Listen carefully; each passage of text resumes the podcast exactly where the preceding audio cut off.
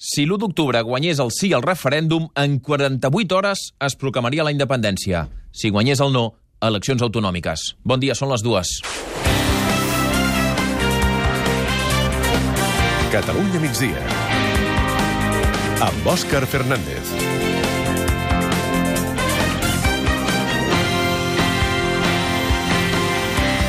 Aquest ha estat un dels detalls de la llei del referèndum que s'ha presentat fa una estoneta al Parlament de Catalunya. No s'estableix un mínim de participació perquè el referèndum sigui vàlid.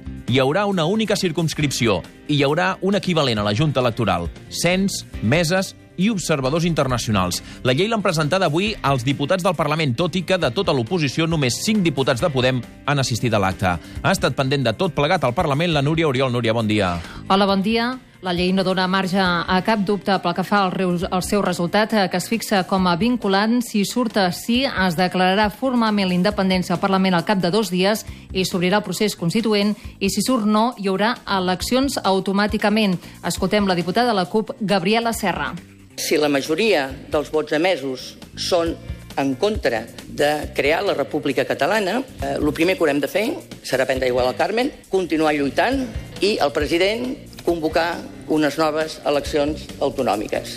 I si la majoria dels vots emesos són positius a crear la República Catalana, òbviament i immediatament s'haurà de declarar la República Catalana L'acte s'ha fet, com dèiem, al Parlament, però, Eva Comte, bon dia. Hola, Òscar, bon dia. De la posició antiindependència no hi ha anat només 5 membres dels comuns. Sí, des de Ciutadans ha carregat contra la presentació de la llei Carlos Carrizosa. Nosotros no asistimos a performance ni a mítines políticos de un tripartito separatista. A nosotros, si nos tienen que dar alguna explicación, nosotros somos los líderes de la oposición y esperamos recibir todo tipo de explicaciones en sede parlamentaria. De seguida escoltarem les explicacions dels uns i també les dels altres del per què no hi han anat. Mentrestant, i paral·lelament, Santi Vila ja és el nou conseller d'Empresa, en substitució de Jordi Baget, després que el president Puigdemont el va cessar ahir per les declaracions de Baget qüestionant que es pugui fer el referèndum. A l'acte de presa de possessió de Vila, Carles Puigdemont ha tingut paraules d'agraïment a Baget. Sé que avui no és un dia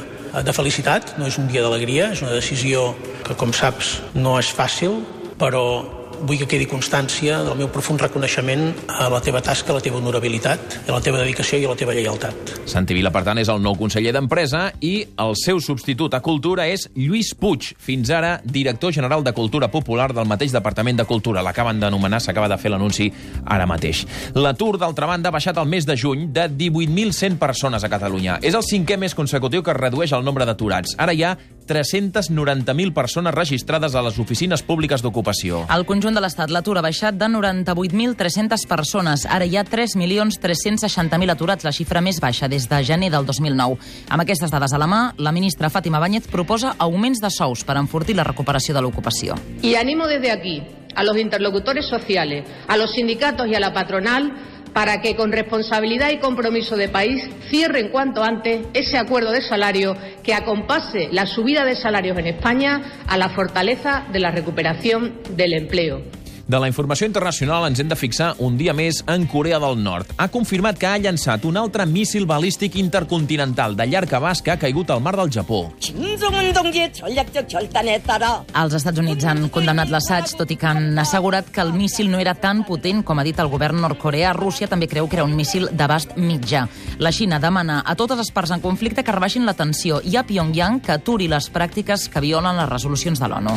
I també parlarem d'un bacteri. El nom tècnic és Xilella fastidiosa, més conegut com l'ebola de les oliveres. El Departament d'Agricultura ha intensificat les mesures per evitar que s'introdueixi a Catalunya després que se n'ha detectat un focus a la Marina Baixa, al País Valencià. El bacteri, també present a les Illes Balears, ataca la saba de més de 300 espècies de plantes, principalment oliveres, ametllers, vinya i cítrics. La prevenció és clau i per això la directora general d'Agricultura, Teresa Majuan, demana als turistes que evitin portar plantes de les zones infectades. Fer una crida a aquests viatgers doncs, que volten i que ara més venen vacances doncs, que evitin, a mesura del possible, doncs, aportar uh, plantes d'aquestes zones infectades. I del món de la cultura, avui parlarem de l'Escolania de Montserrat. Ha actuat aquesta matinada al Kennedy Center de Washington i han interpretat el cant dels ocells de Pau Casals. El director musical de l'Escolania, Llorenç Castelló, destaca la tasca del cor infantil com a ambaixador de la cultura catalana. No només és exportar aquesta música religiosa, sinó que també el que ens interessa és exportar una mica el que és la nostra tradició catalana, no? Quan passin 5 minuts de dos quarts serà el moment de les notícies pròximes, que és el més destacat del dia a Girona, Clara Jordan. Doncs que l'emblemàtica empresa d'embotits Casademont presenta concurs de creditors, però ho fa una oferta de compra sota el braç d'un grup aragonès. Els seus responsables garanteixen que fan l'operació per assegurar-se la continuïtat de la marca i la plantilla, però els 200 treballadors ho veuen amb recel. Anem ara a Lleida, Noelia Caselles. Augmenten més d'un 40% els casos de violència sobre la dona a la demarcació de Lleida. Les dades aquí superen la mitjana catalana. Avui s'ha presentat la memòria anual dels jutjats, que també mostra que la gran mobilitat dels jutges alenteja els procediments. Seguim per Tarragona, Manel Sastre. Sí, Tivissa, a la Ribera d'Ebre, podrà cobrar a gas natural, Enagas i red elèctrica la taxa per instal·lacions de transport d'energies. El Tribunal Superior de Justícia de Catalunya ha donat la raó al consistori que preveu recaptar aquest any 130.000 euros. I acabem el repàs a Barcelona, Quim Balaguer. Es redueix per primer cop en 3 anys l'oferta de pisos de lloguer turístic a Barcelona. Ara hi ha 13.500 habitatges, 9.600 en llicència i la resta sense legalitzar. La patronal del sector es desmarca de la pujada de preus del lloguer residencial. I després de les notícies pròximes, quan faltin 20 minuts per arribar a les 3, serà el moment de l'actualitat esportiva. Jordi Turria, bon dia. Bon dia. La polèmica al voltant del seient lliure del Barça que hi va destapar TV3 no s'ha tancat encara. El club defensa el Barça la seva manera de fer mentre les queixes es multipliquen tot això el dia que Marco Berratti, en permís del club, no s'ha entrenat amb el Paris Saint-Germain. Parlarem del mercat de fitxatges. I també explicarem que el grup de l'atleta Gensebe Dibaba, campiona mundial de 1.500, no ha tornat a Sabadell des de l'afer de dopatge va esquitxar el seu entrenador. Ara s'ha traslladat a Nàpols.